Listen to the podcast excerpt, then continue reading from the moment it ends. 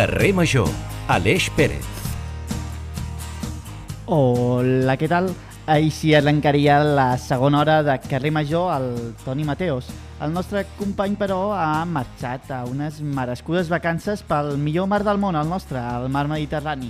I tot i no comptar amb el Toni Mateos, els que seguim aquí a Terra Ferma, doncs seguirem portant-los a les seves cases tot el que passa aquí, a casa nostra, al camp de Tarragona.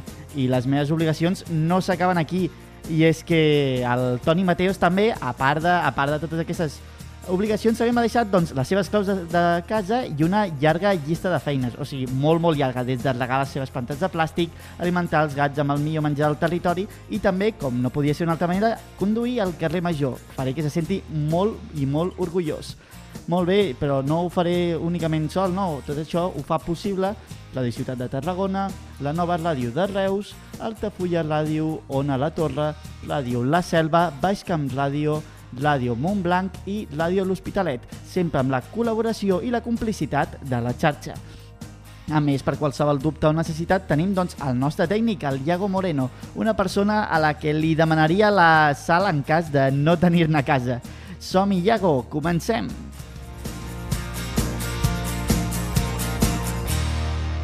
Carrer Major, a la teva ràdio de proximitat.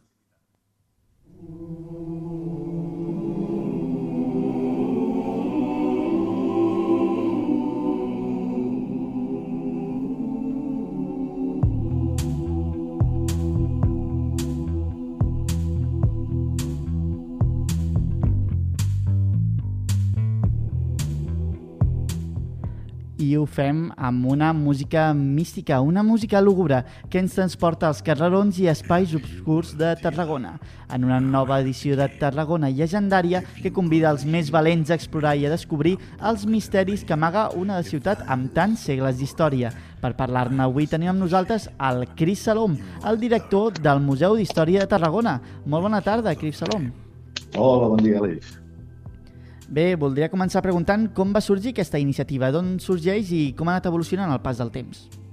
Doncs mira, nosaltres els darrers anys ens estem intentant esforçar des del Museu d'Història en, en oferir activitats, visites i, i, i explicacions de la història de Tarragona des de diferents vessants i adreçant-nos directament a la ciutadania. No?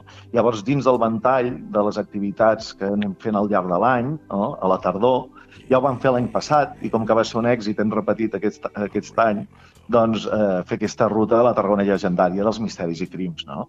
Perquè a través de l'anècdota, a través del misteri, a través de, de la cosa macabra, doncs també estàs descobrint eh, Tarragona i la seva història. I, de fet, aquests esdeveniments segur que eren el més comentat del moment en què es van produir, no? Eh, Cris, què amaguen els carrers de la part alta de Tarragona? Home, bé, això hauríem de fer la visita, eh? Vull avisar que ja han fet dues sessions, el dia 6 i el dia 13. Ara queden els dos divendres d'octubre i la resta de novembre. Eh? Us demanem que us apunteu, us heu d'inscriure.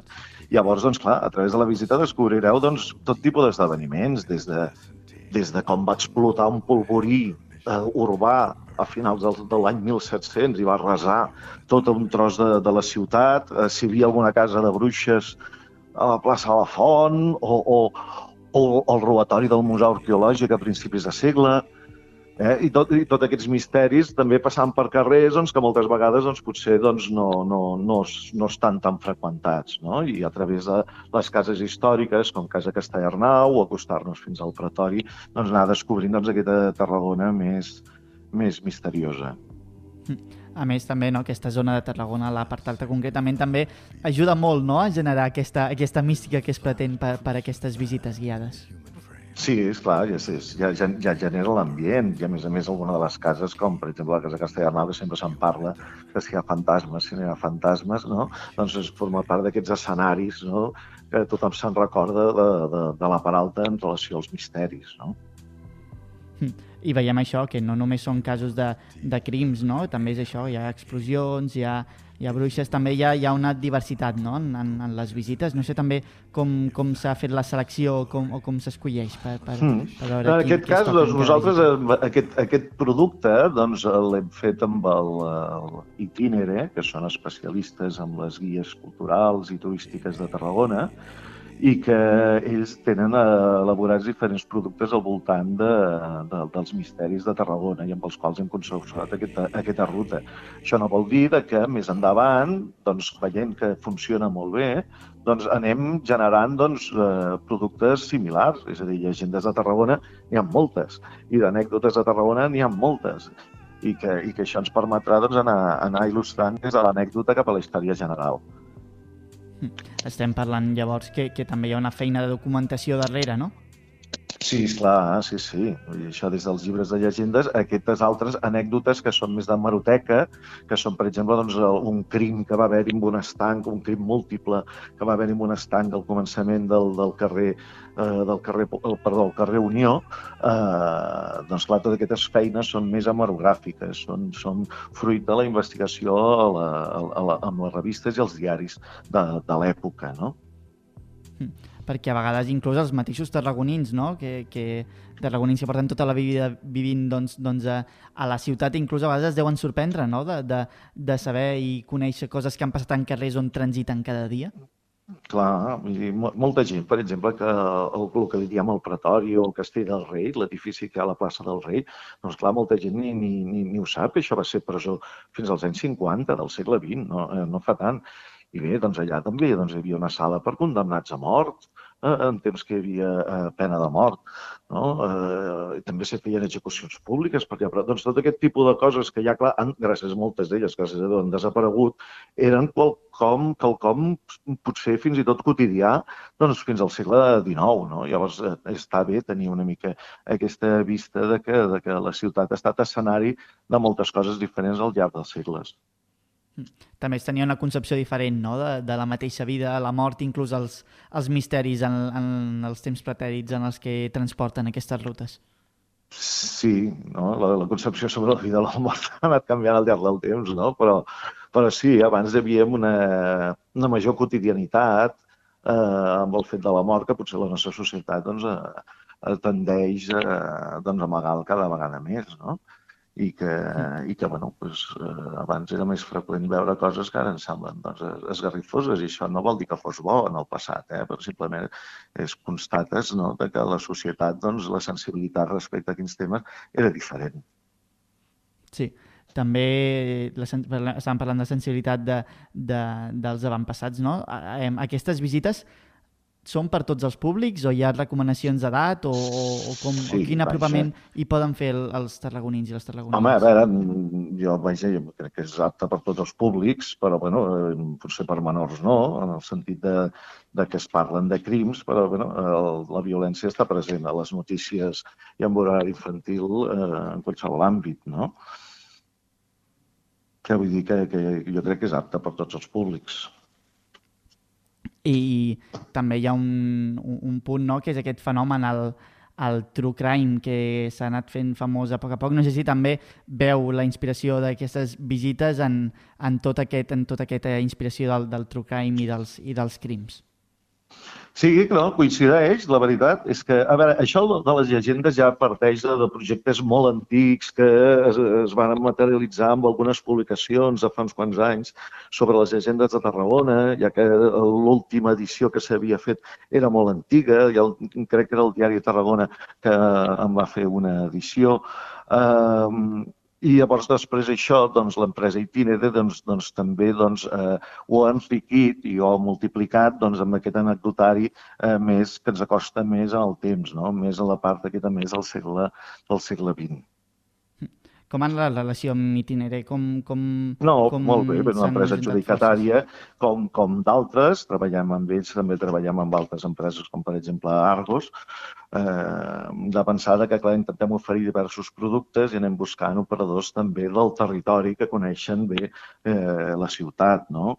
Nosaltres ara amb aquest cicle de la tardor no? doncs tenim, tenim diverses activitats, no? doncs, a, a banda d'aquesta, que és molt de l'anècdota, molt del detall, no? del tema macabre, doncs tenim d'altres activitats no? la Tarragona, la ciutat medieval, la lluita de poders, la lluita entre el poder de l'arcabisbe i el poder del rei, no? doncs, doncs, doncs fins a aquest diumenge és l'última visita. Per exemple, doncs això ens ha ocupat la tardor i també m'agradaria dir de que, de que les nostres activitats continuen eh, fins, a, fins a final d'any i que aviat, doncs, eh, eh, a inicis de, de novembre, eh, farem dues activitats que encara no hem fet mai.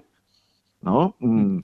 Vàrem encetar una línia que era Tarragona amb els ulls de, no? i que vam fer un Pons Ricard, llavors hi havia un personatge teatralitzat no? que ens explicava Pons Ricard i la seva època, que després vàrem fer una acció teatral eh, amb el Taronja Foguet, vam parlar de mitjans del segle XVIII, no? I ara, doncs, també, doncs, eh, eh, amb aquesta mateixa línia de Tarragona amb els ulls de, volem fer un personatge d'època medieval i que volem donar també la veu a les dones de la història. No?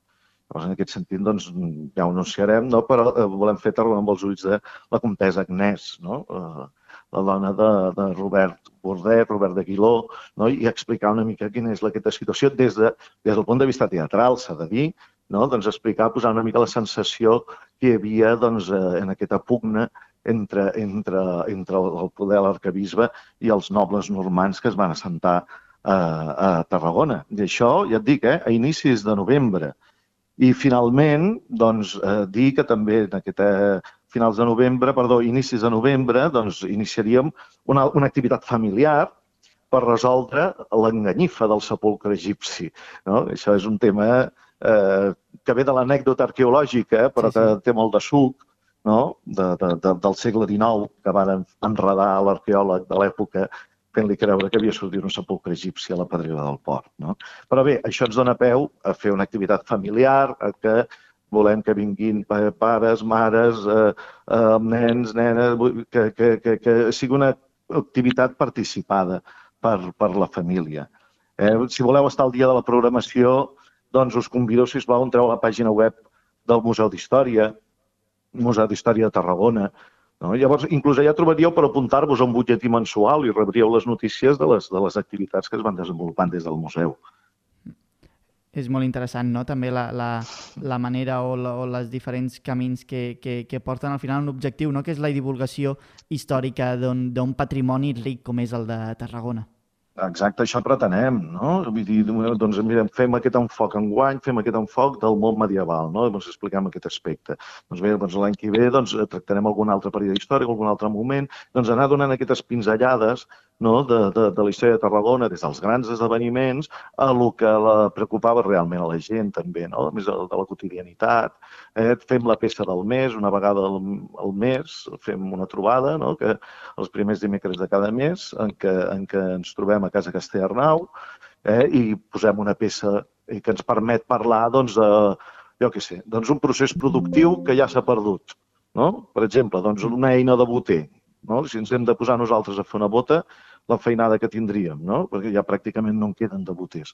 O un objecte romà, o un quadre de Santa Tecla, o qualsevol element, i una vegada al mes duem a terme aquesta activitat. Doncs intentem això, no? doncs acostar-nos a la ciutadania i oferir aquests retalls d'història i entre una cosa i l'altra doncs anar vestint aquest imaginari que és la història de la nostra ciutat. Mm, clar, hi ha un, un conjunt no, de, de feines, d'espais, de, inclús d'objectes que han sigut molt importants al llarg de la història i, i això, no? estem veient com, com, com també s'ha d'educar als petits i als no tan petits. Sí, sí, clar. Moltes vegades ens pensem que inventem coses i que el nostre pensament eh, està tan evolucionat. No? Llavors, una mica la història també ens ajuda a entendre de que a vegades, doncs, en segons quins plantejaments o segons quines idees, doncs, potser eh, no hem inventat res, no? que sinó que hi ha moltes coses ja, ja, estaven, ja estaven inventades. No? Llavors, això ens, dona aquest, ens ajuda a tenir aquesta capacitat crítica, aquesta capacitat d'opinar i de poder valorar de manera crítica doncs, els, els, els esdeveniments no? i, de fet, fer millors ciutadans, en el fons. Quin balanç feu fins al moment de totes aquestes activitats que, que, que heu anat fent, ja heu anat fent i, i també com, com encareu aquest, aquest tram final d'any? Mm. Doncs sí, com et deia, bé, de moment funciona tot molt bé, eh, s'omplen les activitats, per això insisteixo en lo de la pàgina web del Museu d'Història, Ara nosaltres, el, el nostre repte és, és l'any que ve doncs, mirar de tenir una, una programació que puguem definir-la ja des de començament de curs. No? Això és el que ens agradaria, poder dir, doncs mireu, enguany farem això a la primavera, farem això a la tardor eh, i a poc a poc doncs, anar estabilitzant doncs, aquesta programació que vull dir fa només dos anys que va. Eh? És a dir, que, que és relativament recent, no? de diferents línies de, de, adreçades al ciutadà. I ja et dic, ara mateix el que està en marxa, que s'està acabant, és la Tarrona Ciutat Medieval, lluita de poders, eh, que és, és, és, són unes visites per Tarragona, per la part alta, en què s'explica doncs, aquesta pugna entre el poder eclesiàstic i el poder del, del rei, però que aquesta ja s'acaba aquest diumenge. I després, doncs, aquestes... Ja, sí és l'última oportunitat, no? De, de, de moment, a vegades aquestes activitats, si veiem que funcionen molt bé, després podem mirar de repetir-les a la primavera següent. No? De, de, depèn d'una qüestió de demanda, també, no? perquè hem de pensar que en el fons doncs, bé, són vuit visites, 8 visites per, per 20 o 25 persones, doncs té un impacte, però té un impacte eh, relatiu. No? Llavors, doncs ja tenim experiència amb això, llavors ja hi ha hagut activitats de que les hem repetit a la primavera següent, no? per, per poder oferir, inclús també canviant dies. Jo que sé, per exemple, ara m'ho invento, eh? doncs una activitat que sigui un dissabte, doncs potser la primavera l'oferirem en diumenge perquè potser un públic els dissabtes no va bé i potser el del diumenge va bé, eh? o a l'inrevés. Eh? Doncs anar canviant l'oferta eh, a la primavera-tardor, anar repetint aquests elements, eh, amb aquestes variacions, i ja dic, a principis de novembre, Tarragona amb els ulls de aquest personatge femení de l'època medieval i l'activitat familiar, que seria l'enganyifer aquesta del sepulcre egipci no? adreçada a tota la família, que aquest ens fa molta il·lusió. Eh, totes ens fan il·lusió. Eh? Sí, sí, ja, ja, ja m'imagino que al final totes aquestes activitats estan preparades doncs, a foc lent, no? Imagino que no és una cosa que apareixi d'un dia per l'altre i també doncs, que, que es fan amb, amb molta cura també per, per, per ensenyar no? a la gent, que al final és l'objectiu. Exactament, així és l'eix. I bé, i per ja per anar tancant l'entrevista, també una mica mirar el futur. No sé si teniu pendent algun projecte, mireu d'això de cara al futur, quins aspectes voleu tractar o creieu que, que s'ha d'incidir com a, com a, com a Clar, a veure, nosaltres la gran, sí, a, la gran assignatura pendent és la, és la musealització del, dels espais. És a dir, no pot ser que tinguem els monuments amb la presentació interior que tenen. És a dir, hi ha dues, dues, dues línies fonamentals, que és, un, eh, la conservació dels monuments, això és una, una qüestió, però l'altra, la, seva, la seva valorització i que et serveixin per explicar la història de la ciutat. Llavors, això és el que necessitem, crec. Eh? És, és a dir, hem de poder tenir un pretori que t'estigui explicant què és allò, com és que forma part d'un conjunt provincial, què vol dir això de conjunt provincial, què vol dir ser capital provincial d'època romana, Tàrraco, quina importància té en aquest panorama imperial, i tot això s'hauria de desenvolupar al pretori. No? Per exemple, i amb algun altre indret, per què no l'antic beateri de Sant Domènec, allà hi ha uns tres grans espais diàfans, en allà podríem explicar d'una forma... Eh, no hem d'imaginar un museu com un, objecte, com un espai ple de vitrines i ple d'objectes, com si estiguéssim al segle XIX, sinó que el més important és el que volem transmetre volem explicar la història de la ciutat. No? Llavors, doncs, necessitem un espai eh, amb molts metres quadrats doncs, per poder explicar com canvia des de Tàrraco fins a l'actualitat, fins a arribar al segle XX, fins a arribar eh, a la construcció, a la immigració, a la construcció dels barris, a la instal·lació de la petroquímica i explicar tota la història de Tarragona d'una manera amena, còmode, agradable i que al mateix temps doncs, eh, quedi fixat en la, en, en la memòria, no sigui només ah, que, que bé com he passat, i no m'he enterat de res, no? Quantes llumetes, eh? I no... Però tampoc caure en aquests discursos avorrits en què hi ha una veu normalment masculina que cansa perquè està foment un rotllo que, que, que al final desconnectes, no? sinó trobar doncs, un, un, un altre camí, això ja està molt, molt treballat, en el qual doncs, explicar la ciutat d'una forma amena, participativa i que sigui una experiència, conèixer Tarragona. Exacte, i sempre amb respecte no? a tot aquest patrimoni, enorme patrimoni que, que tenim ja no només a Tarragona clar. ciutat, sinó a tot el camp de Tarragona. Sí, sí, i tant. Bé, doncs ja, ja anem justos de temps. Moltíssimes gràcies pel, pel teu temps, per explicar la iniciativa de Tarragona Llegendària i també doncs, tot el catàleg de, de propostes, de visites, d'actes que, que organitzeu des del Museu d'Història de Tarragona. Moltes gràcies, Cris Salom. Molt bé, moltes gràcies a vosaltres. El valor del Camp de Tarragona, carrer Major. En una mansió de les que el temps ha guarnit s'ha trobat arraconat un quadre gegantí. Molt a prop a un dip de pols en un manuscrit. Una vella inspiració reviu el seu desig.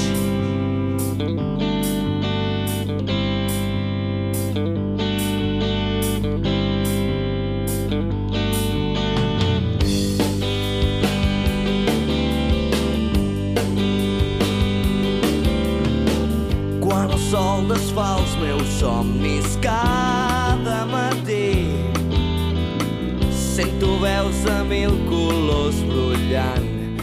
Bé, de doncs després de- d'aquesta visita, d'aquest viatge no, per la Tarragona Oculta, és hora de, de saludar el, el meu company, l'Antoni Mellado. Molt bona tarda, com estàs, Mellado?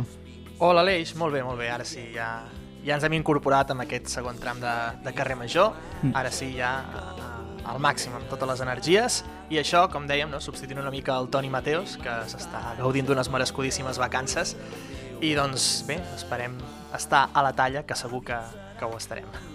Exacte, aquest és una mica l'objectiu. Eh, parlàvem una mica de museus, no? L'entrevista de avui serà un dia de, de museus perquè cada 15 dies doncs, toca parlar d'un dels que, almenys és personalment meu, un dels meus jocs preferits, que són els museus. Si ho recorden, la setmana passada vam deixar caure, encara que per damunt, la cara oculta dels museus, aquelles obres que no veiem. I per sortir de tanta foscor, doncs és hora de saludar el Damià Morós, el nostre museòleg de confiança. Molt bona tarda, Damià. Què tal, com anem? Ostres, on et, on et trobem? Què, què estàs fent ara mateix? Mira, estàvem fent una... Com ho l'aire? Una, una xerrada amb un... El màster... Bueno, una xerrada al, al màster d'Estudis Avançats d'Història de l'Art de la Universitat de Barcelona i ara no sé si m'heu perdut o t'he perdut. No, no, no, et sentim. O sigui, acabem d'entrar, sí? o sigui, acabem d'obrir la porta a, a la teva classe. Ara mateix estem a la, a la, a, la, a la teva mm, Bueno. classe. Què, què, de què estaves parlant? Mira, estàvem parlant de programes de ràdio, precisament, amb, amb els alumnes del màster de- d'Estudis Avançats d'Història de l'Art, i de com explicar el patrimoni, arribar a la gent, bueno, el que fem nosaltres aquí al carrer Major. Efectivament. Eh, Damià, avui teníem, doncs, pendent una, una conversa, no? un, un tema a tractar, que és aquesta reserva, no? aquesta cara oculta dels, dels museus. Què amaguen les reserves dels, dels museus? Ai, que no arribarem. Em sents, Damià? Es pot... Uh, hi ha videocàmera aquí? Uh, em sents, Damià? Vols que, vols que et truquem millor? Ui, sí? És que es feia una mica la, la, la connexió. Sí, de, de, definitivament... Sí. sí, sí, que definitivament intentarem contactar amb, amb el Damià Amorós per, per via telefònica. Mentrestant, Antoni, què tal? Què, què, t'ha semblat l'entrevista de, de, de la Tarragona Oculta, la llegendària? L'havies vist mai?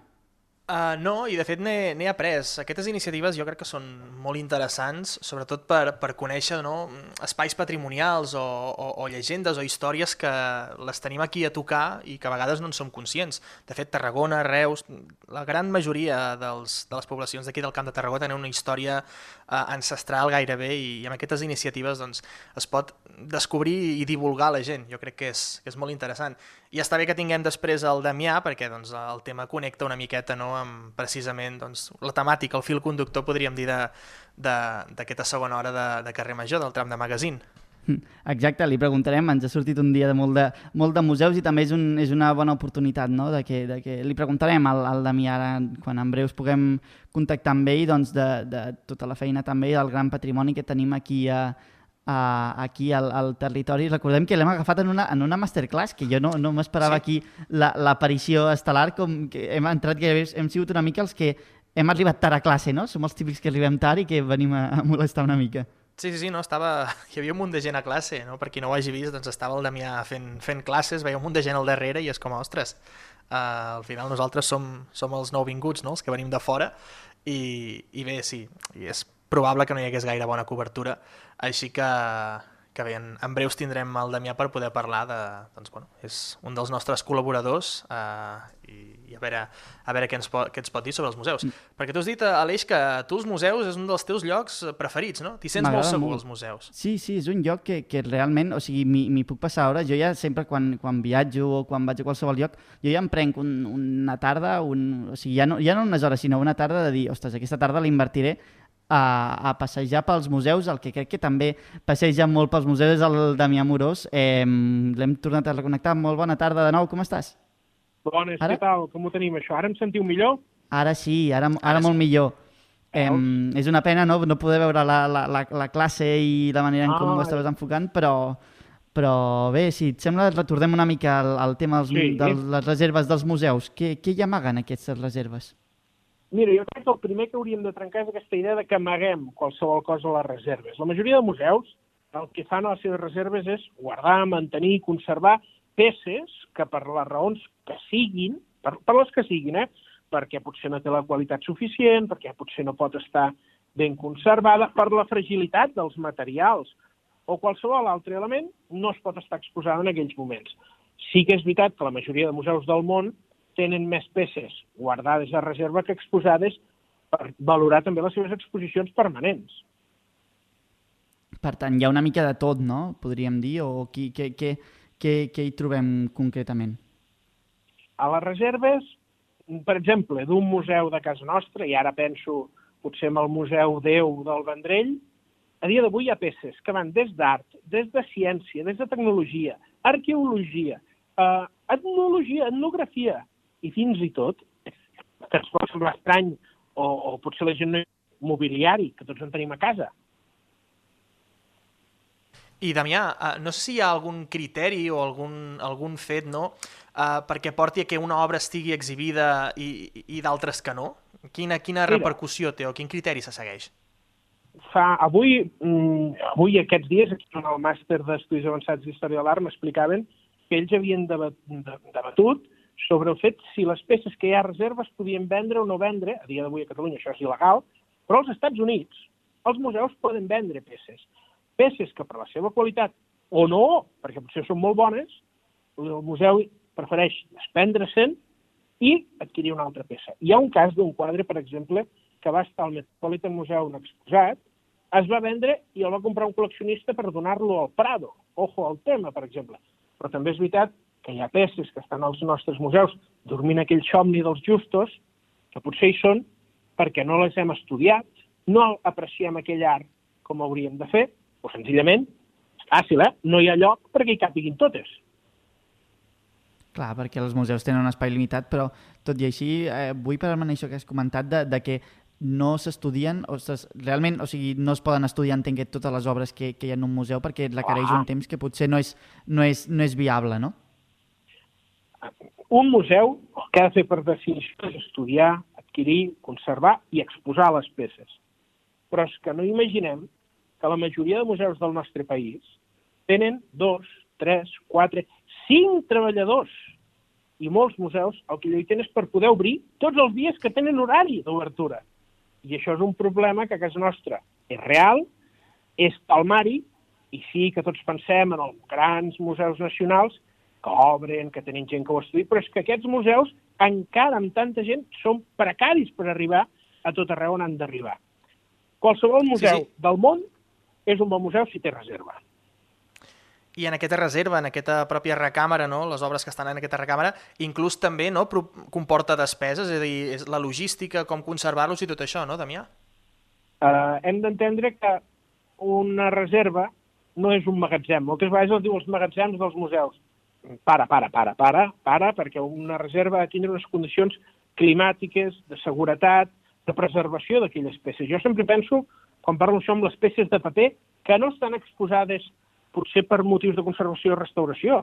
I ara en ve el cas, el Condecito de Fortuny del Manac, que s'exposa a aquests temps eh, cada dos, tres anys, o el venedor de tapissos de Fortuny també, que el Museu de Montserrat, per exemple, anunciava els dies que faltaven per tancar-lo a la reserva una temporada i mantenir el paper, els colors, aquella tinta, aquella aquarela en condicions òptimes, mereix una reserva que sigui quasi en unes condicions millors que les d'exposició. Mm. Per tant, estem parlant de, de que hi ha moltíssimes obres. Jo, en, en el meu cas, no sé, alguna vegada he anat al, al museu en, en motiu dels dies dels museus, no?, que, que et permeten veure i observar. També és, és important, no?, també poder que aquestes obres, tot i que no estiguin en, en exposicions o, o de manera regular als, als museus, es puguin veure i siguin accessibles per, per la gent. I, hi ha una cosa que és vital, vital, que és la difusió de la feina que fa aquesta part fosca, que no per fosca sigui bruta, sigui lletja, sinó amagada dels museus. És a dir, els museus han d'explicar la feina que fan i aquesta feina s'explica primer amb coses puntuals, com és això, les jornades europees del patrimoni que acabem de viure, el dia dels museus al mes de maig, les nits en blanc que es fan en diferents maneres, però també a través d'un tuit, a través d'un post a Instagram, a través d'un vídeo de YouTube, és a dir, donar-se a conèixer potser allò que la gent té el morbo del que està amagat, del que és prohibit, i al final el que veuran és un magatzem, una reserva, amb pintes, que són aquelles estructures de ferro, on es guarden els quadres i les obres d'art. I tot això la gent, eh, Damià, ho coneix? Creus que s'ha fet suficient no. feina de divulgació? No, que es coneix, segur que no. La difusió se'n fa i se n'haurà de fer més. Jo sempre he pensat que hi ha un element que és clau en molts museus, que són les reserves visitables. Espais, amb, amb el manteniment oportú d'aquestes peces, però que estiguin oberts, potser sigui amb un vidre, potser siguin visites guiades, a la ciutadania. També moltes vegades oberts als professionals del món de l'art, historiadors, conservadors, professors universitaris, que d'aquí en surt una gran informació pel coneixement del nostre patrimoni, de la nostra cultura. Mira, això que estem fent ara, estudis avançats en història de l'art. Efectivament, perquè ja per, per anar tancant una mica m'agradaria saber això, aquesta classe que comentaves sobre la ràdio, de què, de què estàveu parlant concretament? Que m'he quedat aquí amb, amb la curiositat. Jo també m'he quedat incuriosit perquè m'ha fet tindre xerrar de mi. Vull dir, imagina quina cosa més rara d'un tio de Serral que es dedica a això de, del món de l'art, de, del món de la cultura, de la difusió patrimonial, aquestes coses, a la història de l'art, en definitiva, i a la museologia, i mira, m'han fet vindre, diu que cada X anys porten gent a xerrar, no?, doncs avui m'han portat a mi i, i, i estem fent ara quasi un cas pràctic, sí, sí. que és una mica de difusió del patrimoni per les zones de, de la xarxa aquí al carrer Major. Sí. I bé que fan, i bé que fan de, de comptar amb tu. Moltíssimes gràcies, Damià Morós, el nostre museu de confiança i que avui, doncs, en rigorós directe, no? Al mig de, ens hem colat en una petita masterclass per, per veure, doncs, una vegada més, doncs, la història i tot els que envolta el món dels museus. Moltes gràcies. Gràcies a vosaltres. Vagi bé. Adéu. Carrer Major, la proximitat del Camp de Tarragona.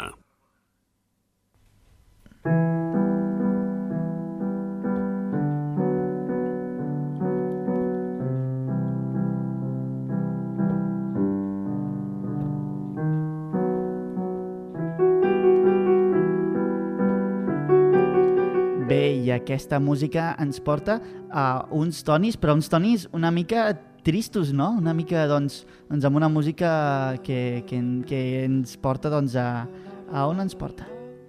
Doncs ens porta a l'eix el conflicte doncs, que aquests dies està ocupant la primera línia d'actualitat, com és el conflicte entre Israel i Palestina, Hamas, Gaza... Hem, ens estem bombardejats eh, per molta informació des de diferents fonts, des de diferents punts de vista.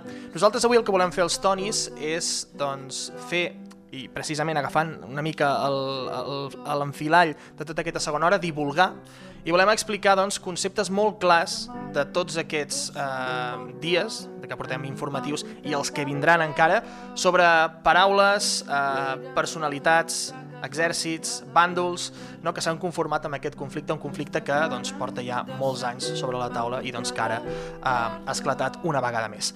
I avui, si et sembla, doncs, eh, anirem sí. dient doncs, paraules concretes eh, un i glossari, doncs, una no? mica, eh, exacte, una mica un, un qui és qui, no? un qui és qui sí. de, de tot aquest conflicte, perquè la guerra entre Israel i Gaza deslligada amb un atac inèdit sobre territori israelià i de conseqüències encara imprevistes, ha retornat el protagonisme a un conflicte obert, com dèiem, des de fa molt de temps, des dels anys 70, i que encara no ha tancat i sembla que està lluny encara de que aquesta ferida pugui guarir.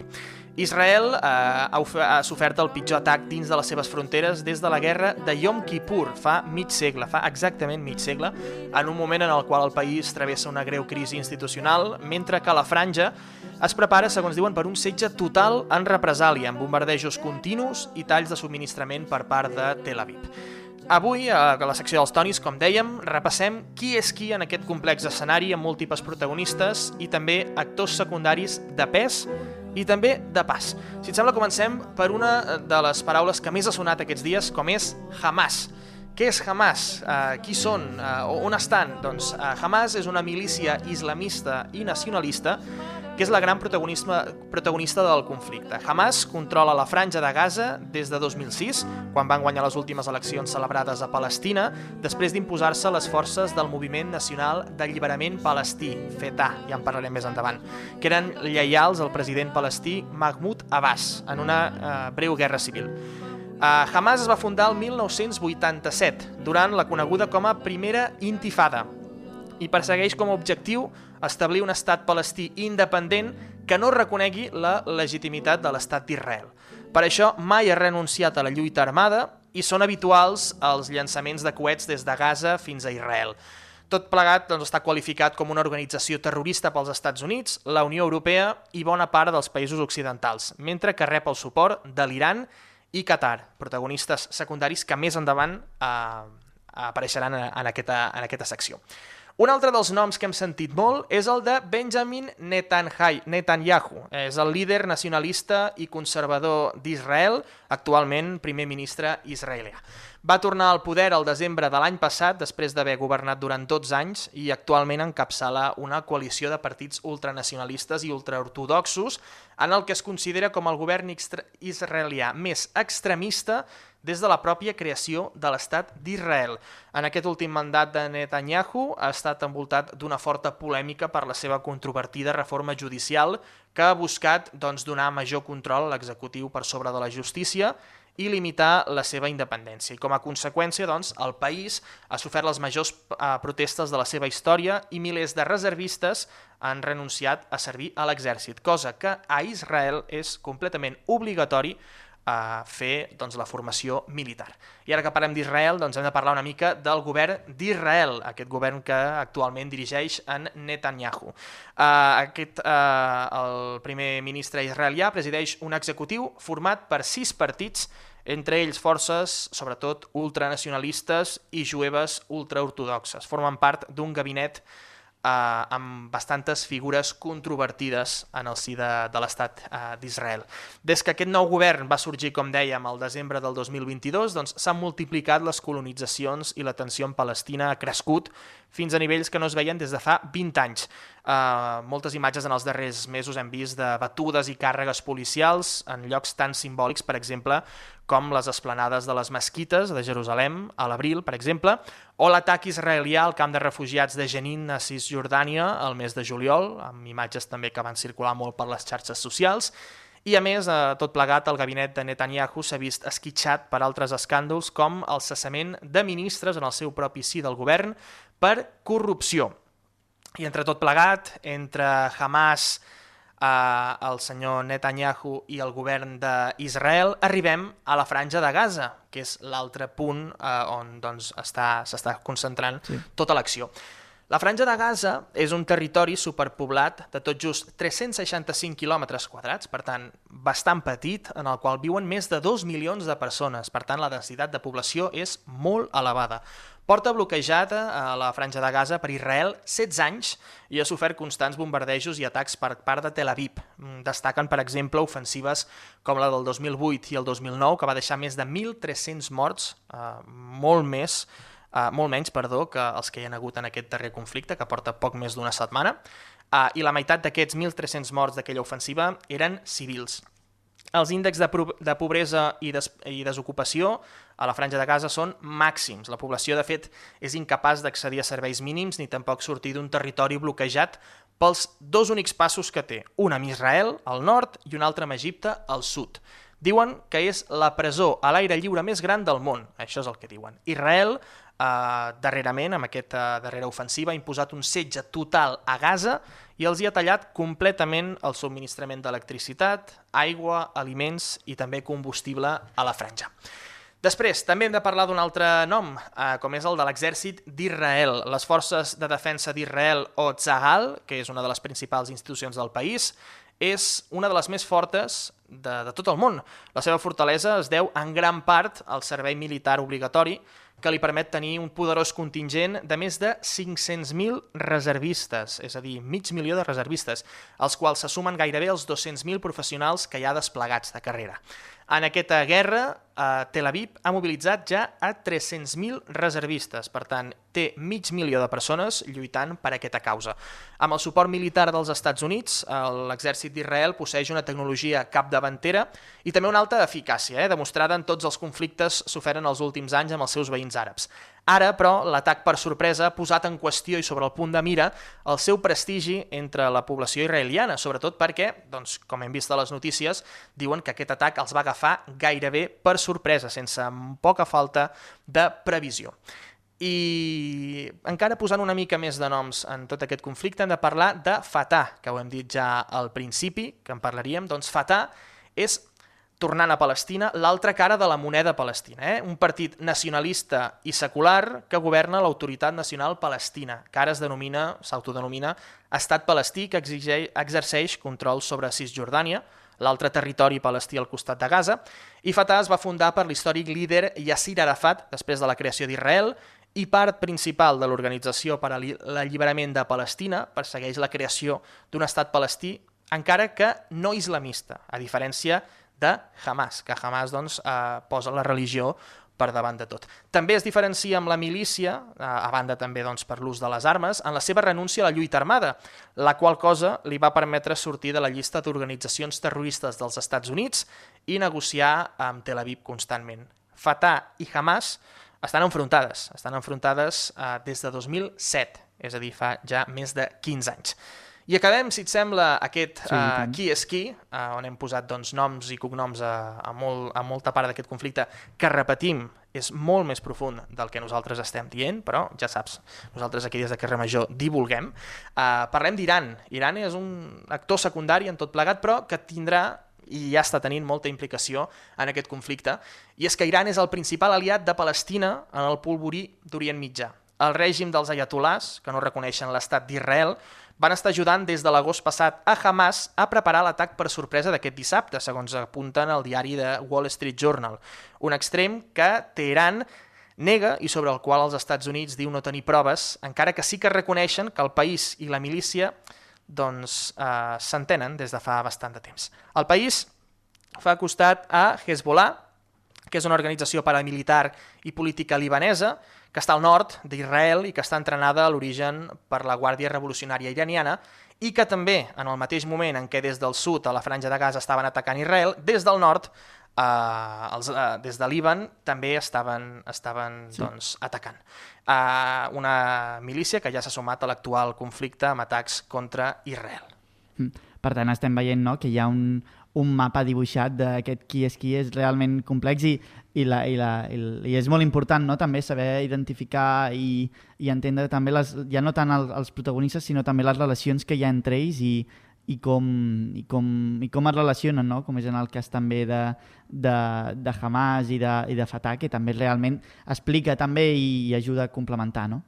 Exacte, sí, és molt important també, i sobretot ja et dic, Aleix, amb, sobretot amb aquest context que estem vivint els darrers dies de sobreinformació, ens estan saturant amb informació sobre aquest conflicte i a vegades potser la informació no arriba, no? aquí estem apuntant objectivament noms de, de tots els, de, dels agents i de part del conflicte, per tant, doncs, esperem que amb aquesta secció doncs, haguem posat una mica, com deia aquell, no, de llum a la foscor, eh, a l'hora de posar noms eh, als protagonistes d'aquest conflicte, que eh, sembla que va per llarg, va per llarg. Mm, exacte, i per com has estat explicant, no? això també et dona la sensació de que no és una situació que vingui de cop, sinó que al final és una, és una acumulació de, de, de fets i d'atacs i, de, i, de, i, de, i de problemes no? que, que porten molts anys. Exacte, exacte. És una ferida que porta mig segle oberta i que tardarà moltes generacions en guarir del tot. Efectivament, doncs moltíssimes gràcies Antoni Mellado per aquest resum i aquest repàs i és moment ara de passar doncs, a, a la banda sonora. Anem a, a la música que ens ha preparat el David Fernández per avui.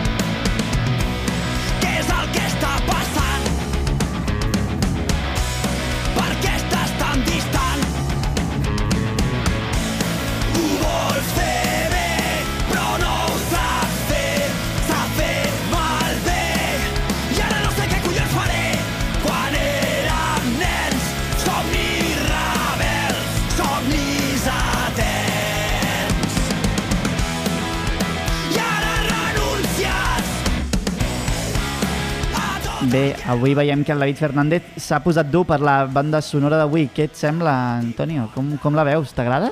M'encanta, a mi el punk eh, m'encanta, m'encanta tot aquest estil de música i més si és d'aquí del Camp de Tarragona i de fet jo no els coneixia fins ara. Bé, jo tampoc els coneixia i de fet eh, em- escoltarem ara el David Fernández que ens explicarà una mica més què estem escoltant. Molt bona tarda, David Fernández.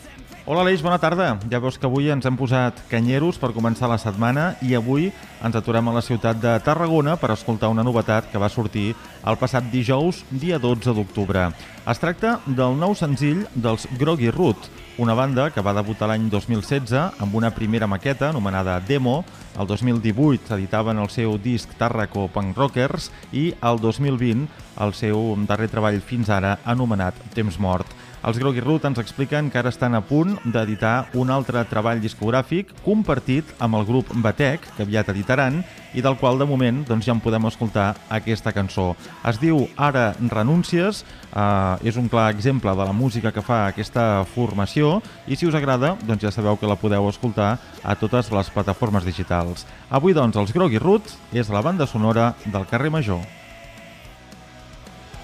Bé, doncs eh, aquí ho acabeu de sentir. déu nhi la musiqueta que ens ha escollit el David Fernández. Recordeu que és ell des de la nova ràdio de Reus que ens, ens, ens il·lumina, no? ens posa un punt musical a, a, tots, a, a tots els programes de, de carrer Major. I bé, i si tenim la banda sonora, doncs no pot faltar, òbviament, la furgo, la nostra furgoneta del nostre estimat Miquel Llevaria que avui doncs, anirem a veure on, on, on ens porta avui el nostre company de Baix Camp Ràdio, que pel que sembla també s'ha anat a Tarragona per conèixer com serà el recompte de persones sense llar, una activitat que comptarà amb més d'una vuitantena de voluntaris a, a la capital.